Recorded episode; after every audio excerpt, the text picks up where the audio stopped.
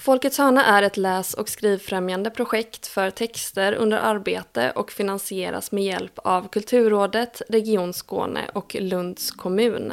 Tackar!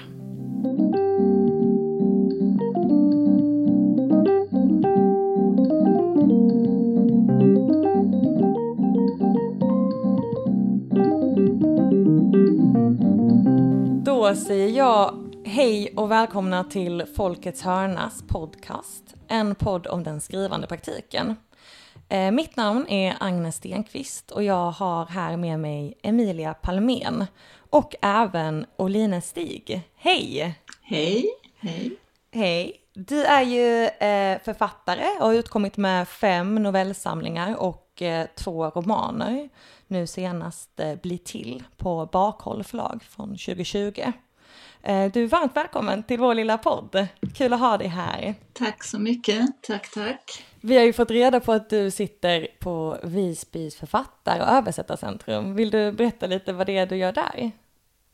Jo, men jag sitter här och skriver. Mm. Eh, Det är ett väldigt fint ställe. Det ligger precis bakom domkyrkan om ni känner till Visby. Alltså verkligen nära domkyrkan. Jag har liksom klocktornen precis utanför mitt fönster.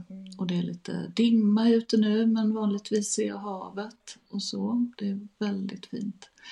Det är ett stor, ganska stort hus med tio rum. Jag tror i början av 1900-talet var det någon slags eh, pojkskola eh, och sen i början på 90-talet så tog den här stiftelsen då Östersjöns författare översättarcentrum över och har en, en stipendie, stipendiehus för författare och översättare som man kan söka till och komma till. Och, eh, och jag trivs väldigt bra här. Det som är fint här är också att det är liksom ett hus man bor i eh, och så har man sin, sitt lilla rum och eget badrum och sådär. Och sen har, finns det också ett hus då som är eh, som är mer ett allmänt sådär, liksom socialt hus där det finns bibliotek och kök och, och filmsal och sådär där man då i vanliga fall brukar umgås med andra författare men just nu så är det lite coronaanpassat här så att det är bara fem av tio rum som får beläggas och just nu är vi bara tre författare här. Eh, En polsk författare, en norsk författare och jag. Och jag har bara, än så länge bara träffat norrmannen. Och eh, man får inte använda köket samtidigt och sådär, det är ganska strikta regler. Men, så det är rätt så ensamt men det är väldigt fint och Visby på vintern är verkligen underbart. Det är, som, eh, ja, det är någon speciell stämning här. Det, det är verkligen inte helt dött, alltså det är ganska mycket liv i stan ändå. Och så, men det är inte så mycket turister, inga turister och väldigt eh, vackert. Och jag går min ganska långa promenad varje dag, så sitter jag och skriver. Härligt. Och du eh, har eh, återkommit till det här huset många år, berättade du här innan. Ehm, och jag tänker på att just skrivande kan vara en sån ensam syssla ofta. Vad gör det att få lov att vara i ett sånt här hus med andra skrivande personer? Men det är väldigt skönt. Jag, jag, har ju, alltså jag tycker om det här att resa iväg och sk- jag skriver ju hemma också förstås. Men, men just för att hitta koncentrationen så tycker jag det är väldigt skönt att komma till en plats, till en annan plats än hemma och sitta och koncentrera sig helt och fullt på det jag är inne i. Och då har jag prövat massa olika ställen. Ibland lånar jag kompisars sommarstugor och ibland så har jag rest iväg till någon ö någonstans och så. Men, men det som är härligt att vara just i ett sånt här sammanhang är ju liksom den här sociala samvaron, att, att människor som gör samma saker som man själv, att man kan träffas och prata. Men det är inte så himla ofta man sitter och pratar skrivande egentligen, det ska jag inte säga. Man sitter och pratar om Allt andra annat. saker. Men ja, men lite, lite så relativt. Men jag ska inte, det är inte så att jag sitter och diskuterar mina, min skrivprocess eller mina projekt så mycket, det gör jag faktiskt inte. Men, men det som är skönt är att det finns en sån fullkomlig naturlighet, liksom, att, man, att man träffas och att alla vet vad man gör så att man kan avbryta mitt i ett samtal och säga upp, upp, upp, hej då, nu går jag, nu händer det något i huvudet liksom. Och det är helt okej, man kan liksom lämna en, en middag mitt i och gå iväg och skriva och ingen tycker att man är konstig. Liksom. Mm. Det är ju verkligen någonting vi har pratat om lite innan också just där, i och med att vi båda har gått på Skurups folkhögskola. Och att just hitta den skrivande gemenskapen där man märker att allt man själv, eller i andra sammanhang, att folk skulle tyckt var just märkligt eller underligt, helt plötsligt är, är någonting som andra också tycker är helt rimligt. Att det, ja. ja, precis. Och att, man, och att, och att, det, ja, att det finns en så total förståelse för att man sitter och ser deppig ut någon kväll. Och, och liksom, ja, men då tänker folk att ja, men det är väl någonting som jag inte har att göra med, liksom, som hon håller på med. Så För jag, jag, nej, för att annars så tycker jag ibland det kan vara lite störande. Om man, jag, jag minns någon gång jag satt på en grekisk ö, det var jättefint och så, men det var liksom det var på Samos och det var liksom en liten by där och det var väldigt vackert och allting. Men, men jag kände mig så lite uttittad när jag gick runt med min datorväska liksom, och alla undrade mm. vem är hon? Liksom. Och, alltså man får den här konstiga rollen av någon som skriver. Så men, men här i Visby, så är det, eller liksom när man är flera stycken, så är det ju helt normalt. Mm. Mm. Hur ser en, en ultimat skrivardag ut för dig? Ja, en ultimat skrivardag så vaknar jag vid halv nio och så går jag upp och äter frukost och så tar jag en ganska lång promenad. Eh, typ på en timme sådär och sen kommer jag hem och sätter mig och skriver vid elva och skriver till ett, två och sen äter jag lunch och sen så skriver jag ett pass på eftermiddagen också och då är jag ganska klar. Liksom. Om jag inte är inne i någon sån här vansinnigt flow. Liksom. Men, men, men så fyra, fyra, fem timmar om dagen är ganska lagom tycker jag. Är det olika saker som, alltså till exempel då skriver du nytt på första passet och redigerar andra eller är det helt, eh, helt fritt eller hur gör du? Ja, det är nog lite olika. Um, det är redigera. Idag har jag suttit och redigerat eh, och mm. skrivit om och det är lite tråkigt ibland. Mm. Men eh, det behövs ju göras det också. Mm.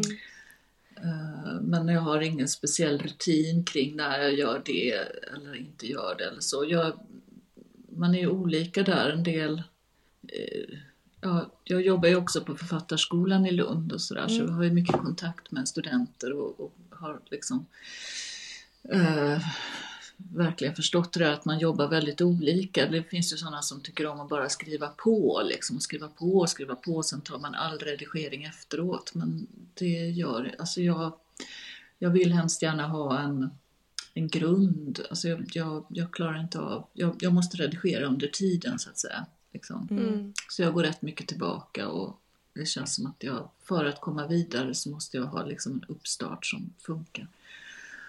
Mm. Men jag tror att det är möjligen någon slags skada, eller skada, men att det är någonting som sitter kvar sen jag skrev. Jag har ju skrivit mycket noveller liksom och då, mm. um, ja, då är det mycket pet. Ja, jag tänkte på just det, att du har ju skrivit som sagt mycket noveller och gett ut både novellsamlingar och eh, romaner. Finns det någon skillnad i de processerna, hur, hur man skriver en en novellsamling och hur man eh, skriver en roman? Ja, det skulle jag säga är rätt stor skillnad. Uh, inte minst för att novellen blir du ju klar med hela tiden. Det är som man blir, man blir klar med berättelser liksom. Så man kommer i mm. mål mm. hela tiden. Det är en väldigt tillfredsställande mm. uh, process på det sättet. Uh, och, jag, och man kan väl säga att mitt novellskrivande dels Ja, dels så tycker jag om genren och så har jag läst mycket noveller och det är som novellen sitter lite så i ryggmärgen liksom. Jag gillar verkligen det korta formatet. Men det har också varit lite så här praktisk natur att när barn, mina barn var små och, och jag hade väldigt så lite tid liksom att skriva, då, då blev det ofta de här att jag gav mig iväg liksom en vecka eller ibland bara tre dagar och skrev och då var det ganska bra att skriva noveller liksom. Spännande när det är liksom livet på något sätt som formar eh, ens skrivande form. Ja, jo, lite grann ja. har det varit så. Men, men, sen, nej, men sen är det klart att det är en process att få ihop novellsamlingen när man har ett knippe noveller och det är rätt mycket pusslande. Men jag skulle ändå säga att det skiljer sig rätt mycket från romanskrivandet som ju kräver en helt annan slags kontinuitet. Um, det gör det i skrivandet. Och det svåra tycker jag, jag håller på med roman just nu, och det svåra är det där man då har långa uppehåll ibland. Eller nu har jag haft en, ett, ett uppehåll på ett par månader och det är så lång startsträcka att komma in i det igen. Ja. Liksom. Det, mm. det är verkligen, men det är därför det är skönt nu att vara på ett sånt här ställe där det liksom inte finns något annat som stör. Hur eh, hit, jag tänker att de här novellerna är ju mer flyktigt, alltså som du säger, man avslutar dem och så kan man skriva på någonting nytt. Hur hittar man en historia eller en berättelse som man vill befinna sig i så pass länge så att man skriver en roman? Ja, det är ju det jag oftast inte gör. För oftast är det så att, att, att jag tänker på en historia och så, och så tänker jag ibland så här, men det skulle kunna bli en roman och så börjar jag skriva och så blir det en novell i alla fall. Mm. Men eh, jag har ju skrivit en lite större roman eller så, alltså mer romanroman som heter Jupiters öga. Som kom 2010 som handlar om min farmor och farfars liv på sätt och vis, fast det ändå är en fiktion. Men det utgår från deras, deras liv i förkrigstidens Oslo. Um, alltså mm. tiden före andra världskriget. Och det var en sån där historia som jag liksom har burit med mig sedan jag var liten och som jag tror många författare har liksom en sån här urberättelse i sig, liksom att någonting de måste berätta. Och det, jag visste ganska tidigt att det var en berättelse som inte skulle få plats i en novell. Liksom. Eh, så mm. den kändes viktig. Och ehm, sen min andra roman som kom i höstas, eh, den började jag faktiskt skriva som en novellsamling. Uh, och sen så, ja, så sen gick novellerna i varandra mer och mer och sen när jag skickade den till förlaget så men det här är ingen novellsamling, det här är en roman. okej. Uh, ja, ja. Uh, jo, och sen blev den det mer och mer. Jag gjorde om den lite också men, men um, men den var ju lite så, den är ju lite novellistiskt upplagd på det sättet att det är sex berättelser som liksom går i varandra. Men det jag håller på med mm. nu har väl mer att göra med mitt förra eh, tidiga projekt, Jupiters öga-projektet. Det är lite samma tema och så rör mig också i. Mm -hmm. Fast nu i efterkrigstiden då. Okej, är det samma karaktärer? Ja, eller? delvis mm. är det det. Fast den är inte lika biografiskt förankrad utan mer, ännu mer fiktiv än Jupiters öga. Liksom. Mm. Men det är lite samma personer som återkommer. Jag tänkte på just det med Jupiters öga att eh, där är ju den ena delen är ju en fiktiv berättelse med de här verkliga förlagorna då och den andra delen är du själv som eh, är huvudkaraktär eller som berättel, berättare. Ehm, och som ju söker efter svar på varför eh, någon eh, får, de ås eller, får de åsikterna eller just med din farfar då som gick med i Nationalsamling under andra världskriget. Och det är liksom ett sökande efter eh, efter någonting som inte går att besvara. Eh, och det skriver också huvudkaraktären i, i början av den här eh, berättelsen. Och eh, där reser du själv eller huvudkaraktären till Oslo för att göra research. Så den är ju liksom självkommenterande på det sättet. Och eh, gränsen mellan fiktion och verklighet är liksom uttalat utsuddad. Eh, och eh, jag undrar bara hur, eftersom att den är så eh, biografiskt eh, eh, laddad, även om det är mycket i den som är fiktion, hur gör man den avvägningen mellan det privata och det fiktiva? Ja, nej, men det hade jag en del svårigheter med när jag skrev Djupters öga. Därför att eh, jag hade ju först en tanke att jag ville skriva en, en helt, helt dokumentär berättelse, för jag hade ju en hel del material. Liksom. Mm. Jag hade ju de här eh, breven och min farmor och farfar, min farfar som jag aldrig har träffat då, men, men eh, de skrev ju som en tidning till varandra liksom, på 30-talet. Som, uh, ja, och sen hade jag liksom intervjuat min pappa och uh, och så när jag åkte till Oslo så, så förstod jag rätt snabbt att, um, att, det, att jag inte skulle kunna göra det därför att det fanns inte tillräckligt mycket material helt enkelt. Alltså jag hade det här de hade skrivit som var någon slags mm. språngbräda men, men allt det där som jag ville veta, alltså hur tänkte de, vad drömde de om, allt, allt det, det fanns mm. liksom mm. ingenstans. Då, så att, Eh, och då så bestämde jag mig för att ge dem andra namn och liksom så att säga släppa min historia fri. Eh, och det, och, men sen hade jag svårigheter med avvägningen där just för att eh, hur detta skulle bli tydligt för läsaren. Liksom. För jag ville ju, jag ville liksom jag var ute efter någon slags ärlighet i, i mitt uppsåt. Liksom att vara tydlig med också vad är sant, vad är inte, vad är fiktion. Vad, ja. Så att jag, jag höll på rätt mycket med det där och sen bestämde jag mig efter ett, mot slutet att, att vara väldigt så jag är väldigt tydlig med det. Jag skriver vid någon punkt hur jag gör. Att nu, nu släpper jag historien fri, nu diktar jag. Liksom. Mm.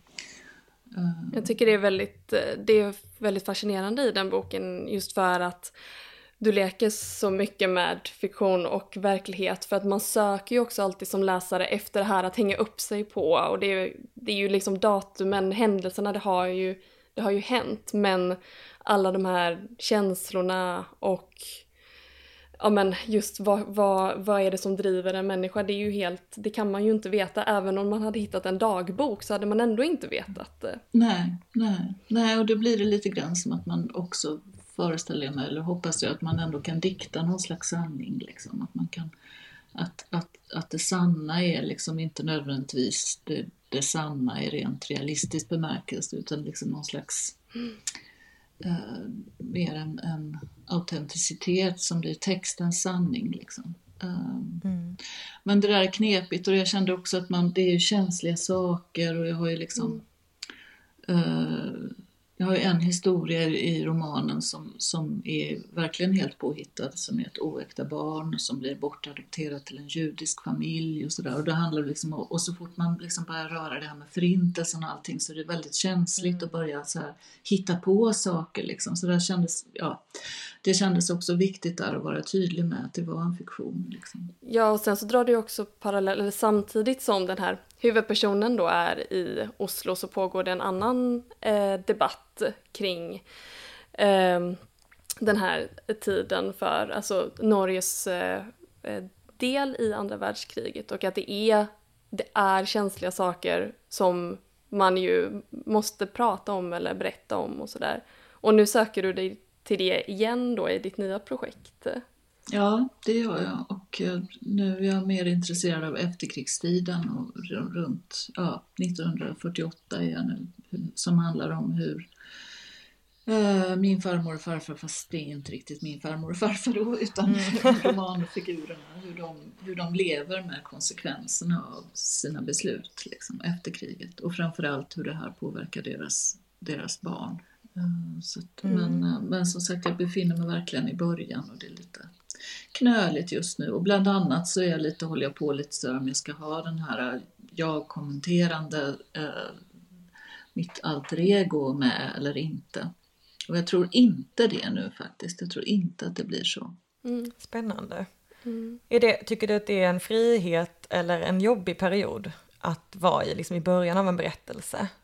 Eh, jag tycker att det är det jobbigaste. Jag, jag kommer ihåg just med Jupiters öga så var det verkligen så här, gud vad jag slet i början alltså. Och sen var det som att när jag var på mm. sidan 70 så var det som att jag kom till en så här, ett backkrön, en kulmen, så var det som att jag såg historien framför mig. Som, ja, först då visste jag att det skulle bli någonting liksom. Men hela den här första tiden av osäkerhet och när man inte vet och man tvivlar och beredd att liksom lägga ner alltihopa. Nej, jag tycker det är förfärligt. Det jobbigt. är det samma där också när du skriver, när du skriver noveller? Ja, men noveller är lite, det är som en snabbare process. Alltså det är sådär, de flesta av mina noveller är runt 15-20 sidor och där, det är också så mycket, men en, en novell kan ju den kan man ju, den har man ju liksom råd att skrota liksom. Man jobbar med den några dagar och så märker man att det blir ingenting och så hamnar den i någon slags textsladghög liksom. Men mm. det är ju inte riktigt samma satsning att skriva en novell. Um, så att, och jag tycker nog att det är mer lust... Nej, jag tycker att novellbörjor är mer lustfyllda. Kanske för att de är mindre kravfyllda. Mm. Just det.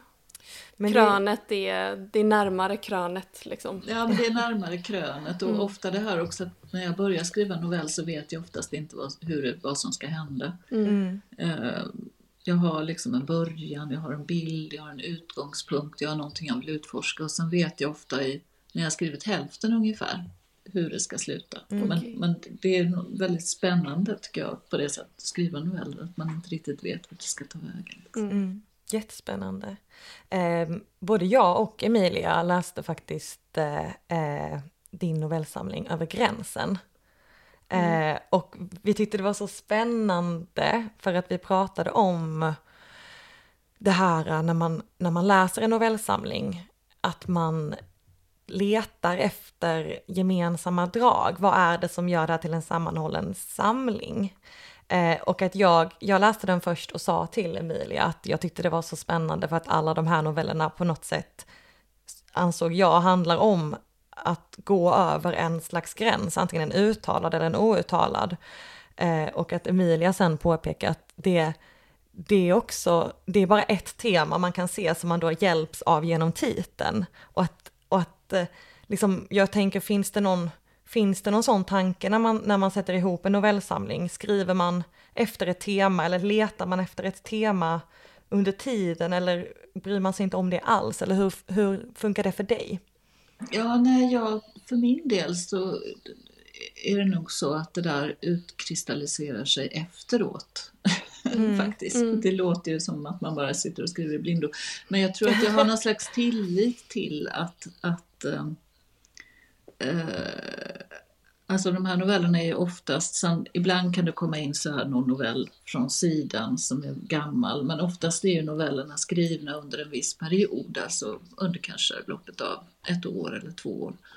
Och då tänker jag mig att det jag håller på och tänker på då, eller intresserar mig för då, alltså jag litar på att det finns någon slags eh, gemensam nämnare? Gemensam nämnare, ja. att det finns någonting som binder ihop det här utan att jag behöver sitta för att jag är lite rädd för att skriva tematiskt, att det ska bli lite krystat eller sådär. Och ofta, som det här över gränsen till exempel, den, den tiden kom väldigt sent. Det kom när allting var klart och så mm. var det så här, men gud vad handlar det här om då? Mm. och så får man liksom sitta och titta, ja men jo, ja, jo, men det handlar ju faktiskt ofta om att gå över gränsen. Mm. Uh, men, men jag, är, jag har ibland fantiserat och tänkt så att jag skulle skriva något väldigt tematiskt, men, men jag har än så länge inte gjort det. Men det var ju lite samma med min allra första novellsamling, Ryggen fri, som kom 99. Eh, den, den skickade jag in först till en massa förlag och fick refuseringar på. Så här, kort avslag om ni vet vad det är, när man inte ens får en lektörsläsning. Mm. Det var väldigt knäckande. Eh, men sen lät jag en, en eh, kompis läsa och, och, och, han, han var så här, nej men, nej men alla de här novellerna handlar ju om kvinnor. Sen, och det hade inte jag ens tänkt på liksom. Och, sen, men, och de är i olika åldrar sådär, så du, om, om du lägger dem så att den yngsta ligger först och den äldsta ligger sist. Och, och det där hade jag inte sett liksom. Men, och då fick plötsligt samlingen en form som den inte hade haft innan. Liksom. Ja, men för det är just det där med en samling att eftersom att novellen i sitt, i sitt vara är så öppen för tolkning så, eh, och att man lägger dem ofta bredvid andra noveller så blir det ju också just det här med att kurera vad ligger bredvid vad och en titel så kan man ju också eh, styra läsaren, tänker jag. Ja, det kan man. Och sen, ja, men det är liksom, jag tror ändå mer på någon slags fingertoppskänsla och magkänsla där kring. För att när jag lägger ihop samlingarna så är det också att hitta kontrasterna mellan novellerna. Att, att de inte ska vara för lika varandra. Liksom. Att, mm. att, och det är därför jag tror, men jag menar vissa författare jobbar så, det kan säkert funka för, för en del, men, men för min del så känns det inte så produktivt. Och, och från början bestämma ett tema liksom eller så. Det känns som att det kan bli lite krystat och tungrot. Utan det där får man sitta och pussla med efteråt liksom. Och få ihop det. Mm. Mm. Och då kan det ju också vara så, med min senaste samling nu, Hägring, var det så att det var liksom en novell som, som har varit lite sånt där Svarta fåret är min novellsamling på datorn. Mm. En novell som jag skrev för jättelänge sedan som inte har passat in någonstans som är den här biblioteksnovellen om, om ni har läst den. Sen. Ja, ja, vilken, var, vilken var det? Bibliotek... Konsten, att, konsten att rädda ett bibliotek ja, ja. heter den. Ja, ja, den är ja. lite annorlunda och vissa älskar mm. den och andra avskyr den. Och, jag tyckte om den jättemycket. Gjorde du det? Ja. För det är en sån här det... jättegammal novell. Den har, liksom, och den har inte platsat någonstans och så var jag plötsligt men den kanske kan hänga med här då liksom. Alltså. Ja, men för den huvudpersonen är verkligen som en liksom, som någon slags så här, eh, en, det, eller en så här karikatyr kanske, men så här, en, en viss person som man har inom sig också. Som är så här, okej okay, men hade man liksom släppt lös det här och bara sagt ja till allt liksom. Så här. Men aha, vad kul, så den har varit med länge. Ja, den skrev jag. Bara väntat på att hitta hem. Mm. Ja, men precis. Den skrev jag faktiskt här i Visby, men det var tidigt, det var typ 2003 eller någonting. Och, länge. och sen har den varit så här, nej men och jag tyckte att den har varit lite, den är lite så, eh, gräll på något vis och väldigt berättande och lite annorlunda mot, så den har inte passat in någonstans. Men så hittade den plötsligt sin plats där i Hägring. Mm. Ja, men visst. När du eh, skickade ut din eh, novellsamling där då innan 99, vart befann du dig i livet då? Då bodde jag på landet uh, i en liten by som heter Igelösa utanför Lund. Och jag hade precis fått mitt andra barn. Uh, och uh, jag tror att jag gick på det som på den tiden hette KAS, konstant arbetslöshets arbetslöshetsunderstöd. Mm. och, och, och min, jag bodde med min man då och våra två barn och, och han tjänade också väldigt lite pengar så vi var ganska fattiga. Och, uh, men jag hade ju liksom börjat skriva på allvar och så. Och mitt, min, först, min äldste son som nu är 27, han, han var sådär otroligt regelbunden. Han sov, han sov liksom mellan 11 och 1 varje dag. Så man kunde ställa klockan efter honom. Liksom. Det var helt fantastiskt. Var, ingen av de andra barnen har varit sådana, men han var så bara okej, okay, nu sover Theodor, nu och då var det så, nu sätter jag mig och skriver. Så de två timmarna mm. var så helig skrivtid och, och det, för mig var den begränsningen väldigt bra för innan jag fick barn så hade jag liksom bara så flutit runt och ja, hade ingen ordning på mm. någonting. Så att jag hade suttit och skrivit den novellsamlingen eh, när han var liten och, eh, och så skickade jag iväg då till, jag tror 14 olika förlag och fick bara så här kort avslag av alla. Och det var Mm. Ja, det var rätt knäckande. Och då var jag lite på väg att göra något helt annat. Minns jag efter sista refuseringen så tänkte jag skiter jag blir förläggare tänkte jag att jag sökte in till den här förlagsutbildningen i Lund eh, och fick plats mm. men hoppade av direkt, gick inte ens på något möte och sökte in på Journalisthögskolan i Lund också men, men Uh, gick på det här provet och gick därifrån. Och så, så jag ville liksom inte göra någonting annat. Men, men ja. Mm. Vilken jävla tur att du inte gav upp då. Hör det alla där ute, ge ja. inte upp. Men vad hände sen då? Alltså hur blev, det, hur blev det av? Nej men sen så tänkte jag okej, okay, jag ger det en chans till. Liksom. Mm. Uh, och då hade jag haft det är också intressant det där man liksom, man har, ni har också gått på Skurup och så, jag hade också gått lite olika skrivarutbildningar och, och jag hade, hade liksom haft väldigt många läsare på den här första samlingen. Så här, tio olika och alla tyckte olika. Liksom. Mm. ja. Och så tänkte jag så här, nej men nu ska jag ge den, jag ska ge det till en person.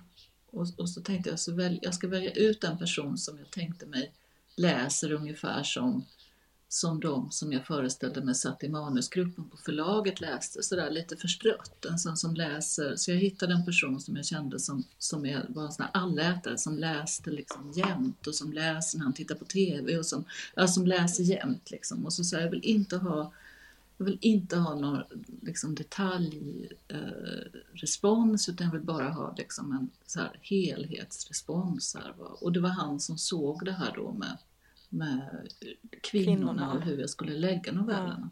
Ja. Så att egentligen så var andra gången jag skickade in, jag, jag, och så kände jag efter själv liksom att det var några noveller som var lite skissartade, halvfärdiga som jag plockade bort och så skrev jag väl till någon kanske. Men i stort sett, det var inte stor skillnad alltså på första och andra gången jag skickade in.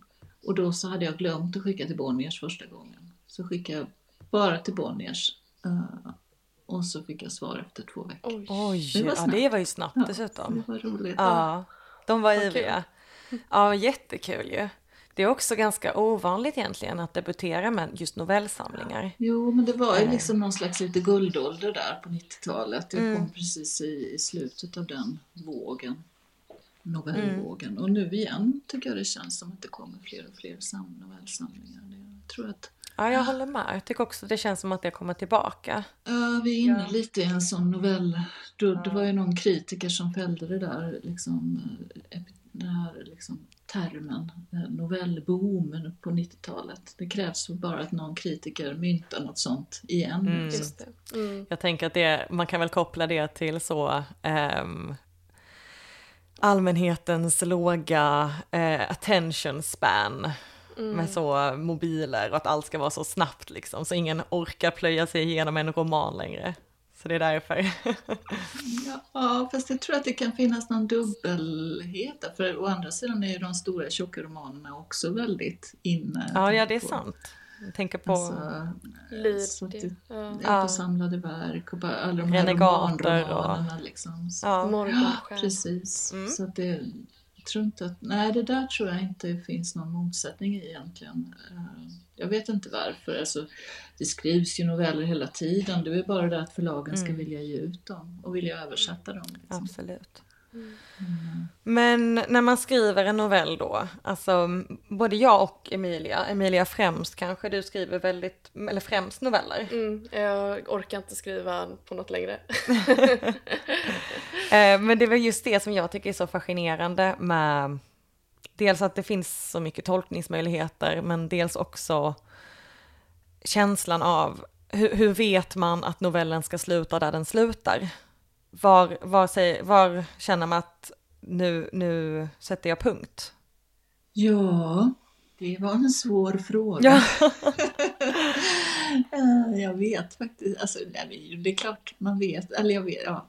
Eh, det beror ju också på vilken slags novell man vill skriva. Alltså om man vill skriva en novell som där som man knyter ihop som en rosett på slutet. Liksom, mm. sådär. Eller, och, och, jag har varit lite förtjust i det. Det är, känns som lite såhär no-no att göra det. Utan man alla nu för tiden, man ska, åh, det ska vara så öppet och det ska vara liksom de här epifaniska, liksom, öppna sluten. Men, men jag kan tycka att det är ganska kul att, att knyta ihop säcken.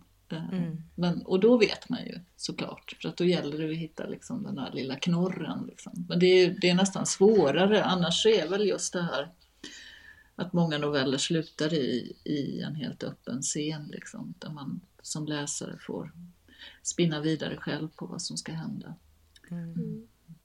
Hur skriver man en riktigt bra novell? Um, ja, det var också svårt. Går inte. Det är bara svåra frågor. Det var väldigt svåra frågor. Bara tre korta, bara ja, så. Hur skriver man en väldigt bra novell? Ja. Det är guldfrågan. Ja, precis. Nej, men... Eh, alltså när, när jag tänker på de noveller som jag tycker om att läsa själv och sådär, jag läser rätt mycket noveller. Just nu har jag till exempel ganska nyligen läst en novellsamling av Tessa Hadley. Um, som var väldigt bra. Mm. Och, uh, och jag, nu vet jag ju inte alls hur mycket hon tar ur sitt eget liv eller, liksom, eller hur mycket hon bara hittar på. Men jag tror ändå det där som vi pratade om innan, det där att hitta liksom textens autenticitet, alltså man hittar liksom någonting som känns sant. Även om, och det spelar egentligen ingen roll huruvida det är självupplevt eller inte, men du hittar den där tonen mm. av sanning i texten. Liksom, som, och ofta är det ju så, för att ofta är det ju så att verkligheten överträffar dikten. Alltså ofta är det ju saker ur ens eget liv som är helt skruvade som man kan använda på något sätt. Liksom. Och, det, och det, ja. Ehm, så jag tror nog ändå på att gå nära sig själv på olika sätt. Men, men för den skull, Mm. Det, det är egentligen helt oväsentligt om, om vad som är verkligt och inte. Det, det, om man inte är superkändis eller så, så är det ingen som intresserar sig för det i alla fall. Liksom. Men, men det där att hitta den där sanna rösten. Liksom. Nära huden. Ja, precis. Och hitta en, det handlar ju väldigt mycket om, eller jag, jag tänker väldigt mycket i bilder. Sådär. Man- Och hitta, hitta, hitta rummet, hitta miljön, hitta liksom rösten. Mm. Ja, det är ju spännande också. Jag tänker att många av dina noveller är också väldigt platsbundna. Ehm, gillar du, eller vad har du liksom, en, är det en idé som, som bygger på att ha en, en alltså kanske till exempel Lund? Ehm, jag vet, jag läste en, den här första Agnes novellen. är från Lund. Så. Jag är från Lund.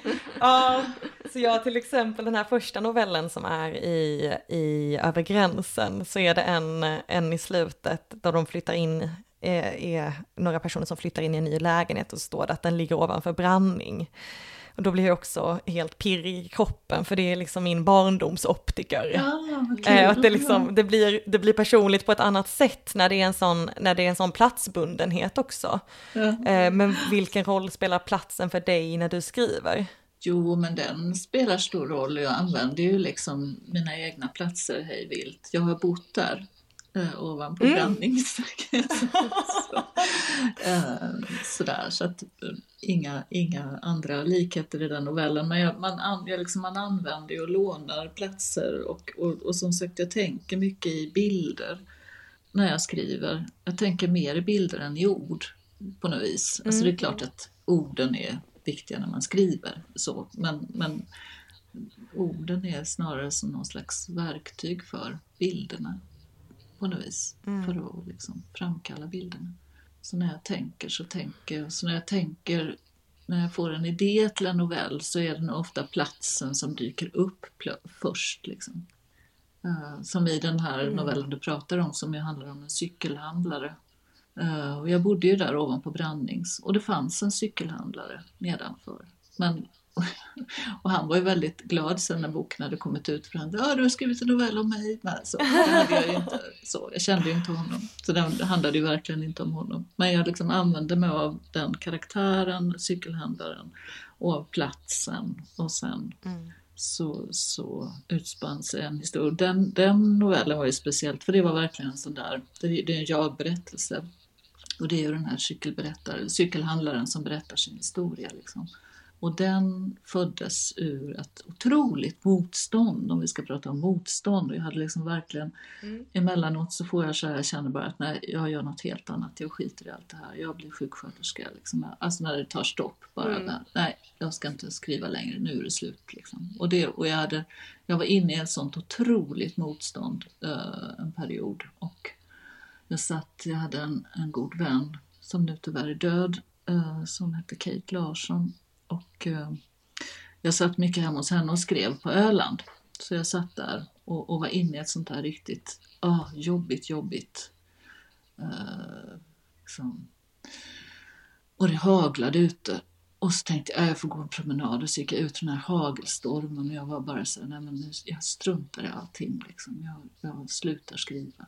Och så kom jag hem till henne och så satte jag mig med datorn i knät och då bara kom den här rösten i huvudet liksom. Ni har kanske varit med om det själva ibland.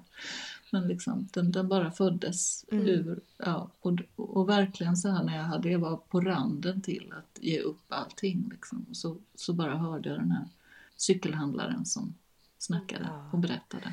Hur är det då när man har fått en sån röst till sig eh, och så skriver man en novell?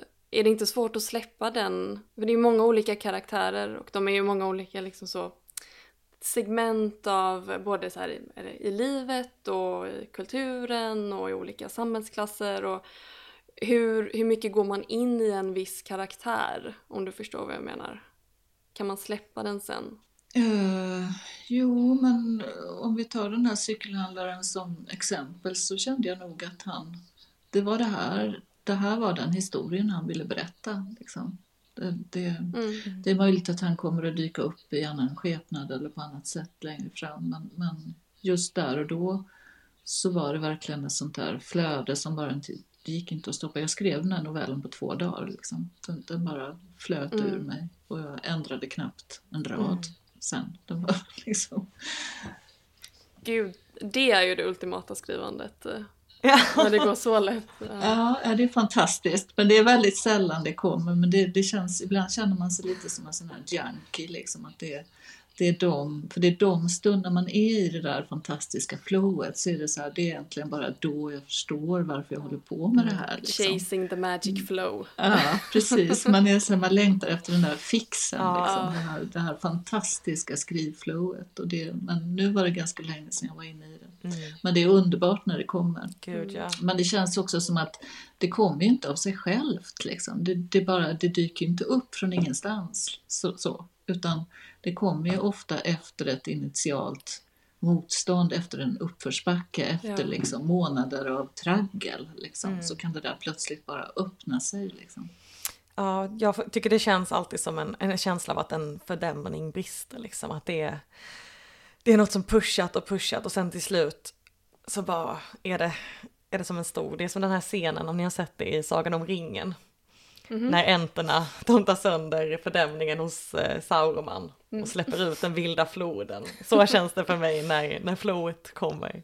Ja, men jag ja, håller det är med. väldigt härligt. Mm. Det är det. Men det är också lite melankoliskt efteråt. Kan jag tycka. Mm. Mm. Ja, men det är det. På tal om, eh, om eh, inte det här utan något helt annat så eh, är det här ju Folkets Hörnas podd och du är ju med här och intervjuas på grund av att du också varit med i Folkets Hörna på scenen Ja, just det. eh, och fått live-respons där. Hur var den upplevelsen för dig? Nej, men det var jättekul. Det var Mm. jätteroligt faktiskt. Du sa att du jobbar på Författarskolan i Lund också. Då tänker jag att du ger, ger mycket respons där. Men jag vet också att du jobbar som litteraturkritiker på bland annat Sydsvenskan. Finns det någon, någon likhet i den slags alltså, textkommenterande? Och hjälper det ena det andra?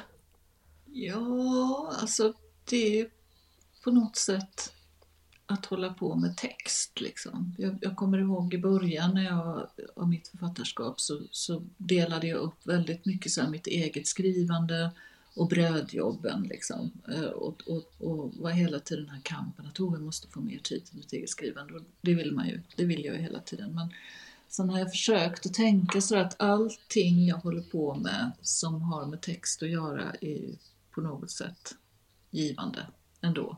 Men jag skulle nog säga att, att om man jämför undervisandet eller liksom den pedagogiska handledningen sådär av texter och kritikrollen är nog ganska olika praktiker eh, ändå. Det, alltså att, att hålla på med en och det, jag tycker det är, Mm. båda, båda sakerna är väldigt roligt men när man är kritiker så håller man ju på med en färdig text och försöker att ge någon slags eh, eh, analys eller liksom respons på den till läsarna. Liksom. Eh, så den, en, en recension är ju till Mm. för läsarna först och främst. Även om alla författare också naturligtvis är väldigt intresserade av sina egna recensioner så är det ju liksom till för de som ska läsa boken. Men medan när man sitter och är handledare så är det liksom texter i, i, eh, i process, alltså texter som, som ska bli klara och som är under ja, man är mitt inne i skapelseprocessen och det är egentligen något helt annat. Liksom. Och det är väldigt kul, jag tycker det är väldigt roligt, speciellt den enskilda handledningen. Jag har också textsamtal och så, det är väldigt det är väldigt kul och särskilt när det är liksom på en kvalificerad nivå så att man, det är verkligen det här känslan av att man är, man är väldigt jämbördig liksom. Man kan sitta och diskutera och allas, allas synpunkter på en text är lika mycket värda. Liksom. Det, jag känner mig väldigt lite som lärare liksom, utan jag är väldigt mycket mer en slags handledare Mm. och ett bollplank sådär. Mm. Och det är väldigt kul att se texter växa fram och speciellt på författarskolan som det har varit hittills, som det tyvärr inte är längre. Att man har följt en Mm. student i två år liksom. Så man, man börjar när texten inte har kommit så långt och sen följer man liksom texten ända i mål. Så det är väldigt, har varit väldigt kul. Minns du vilken, vilken text du själv hade med när du var i Folkets Hörna? Ja, det minns jag. Det minns jag. Mm. Hände det någonting med den? Eller? Nej, den är faktiskt inte riktigt, eh, eller vad ska jag säga, den är, den är inte publicerad någonstans än. Eh, jag vet inte riktigt eh, vad det kommer att bli av den. Jag tänker ibland att den kanske ska bli ännu längre än vad den är nu. Att jag ska skriva, skriva till lite. Så att jag har den lite som sån här reservutgång här om mitt romanprojekt går i stå. Så jag får sätta mig med den här novellen och se om det kan bli något mer med den. Ja. Mm. Hur tänker du själv när eh, du, i och med att du själv skriver kritik eller recensioner, eh, hur ser du på recensioner eller kritik som du själv får? Läser du dem eh, och kan du också tänka dig in i författarens eh, roll när du själv skriver kritik? Jo, men det kan jag ju förstås. Eh, Och därför, det, är ju, det är ju ganska många författare som skriver kritik och jag tror Mm. att det är ganska bra. Liksom. Just för att man har den empatin, eller vad man ska säga. Jag kan ju tänka mig in i hur det är att vara författare och få en recension, absolut. Mm. Och jag, jag läser alla recensioner mina egna böcker får. eh, Och eh, är alltid väldigt nervös. och så. Mm. Men det, jag har, har varit väldigt eh, lyckligt lottad får man säga för jag har fått må- alltså mina böcker har fått ganska många recensioner sådär, och det är kul för att då, även om man får några dåliga då så blir det liksom någon slags balans i det. Då kan man väga de dåliga mot, mot de bra. Så. Och kanske eventuellt också lära sig någonting av, av de som är kritiska. Sådär. Men, eh, nej, men det är väl så jag försöker tänka mig kritiken som ett slags samtal. Och nu är det lite tråkigt så eftersom det har blivit mindre plats för bokrecensioner i tidningar så att många böcker kanske inte får mer. Många, många, många, många böcker får inga recensioner alls eh, och några böcker får kanske bara en eller två. Mm. Då blir det liksom inte det här samtalet om litteraturen som kritiken skulle kunna vara. Liksom. Mm. Ja, eh, vi ser väldigt mycket fram emot vad du kommer att eh, släppa härnäst om det blir den här eh, efterkrigstid krigstidens Oslo eller om det blir någon ny novellsamling kanske eller den här eh, Folkets hörna-texten. Det var jättekul att prata med Ja, Mm, detsamma. detsamma. Verkligen. Tack för att du ville vara med. Mm. Och så ska du få njuta av... eh, Visby. ja. Tack så mycket, men det var kul, det var roligt, just det var lite socialt här och nu ringer klockorna här ute. Underbart. Vilken perfekt avslutning. Ja. Ja. Domkyrkan sa till oss att nu får ni sluta upp. Precis. Gud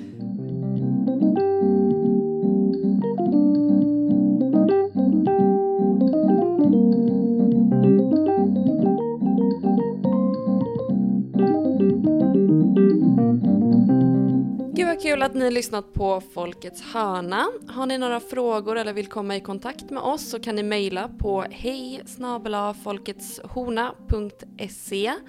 och följ oss gärna på sociala medier, eh, Facebook och Instagram. Där heter vi Folkets hörna.